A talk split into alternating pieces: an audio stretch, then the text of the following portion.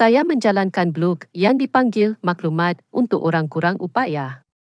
Dalam blog saya, saya menawarkan antara lain satu pautan ke kira-kira 51,101 saluran radio dalam banyak bahasa dari banyak tempat di dunia yang berurusan dengan banyak dan pelbagai bidang minat.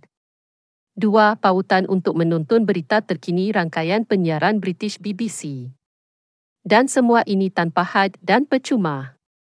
Selamat sejahtera. Asaf Benyamini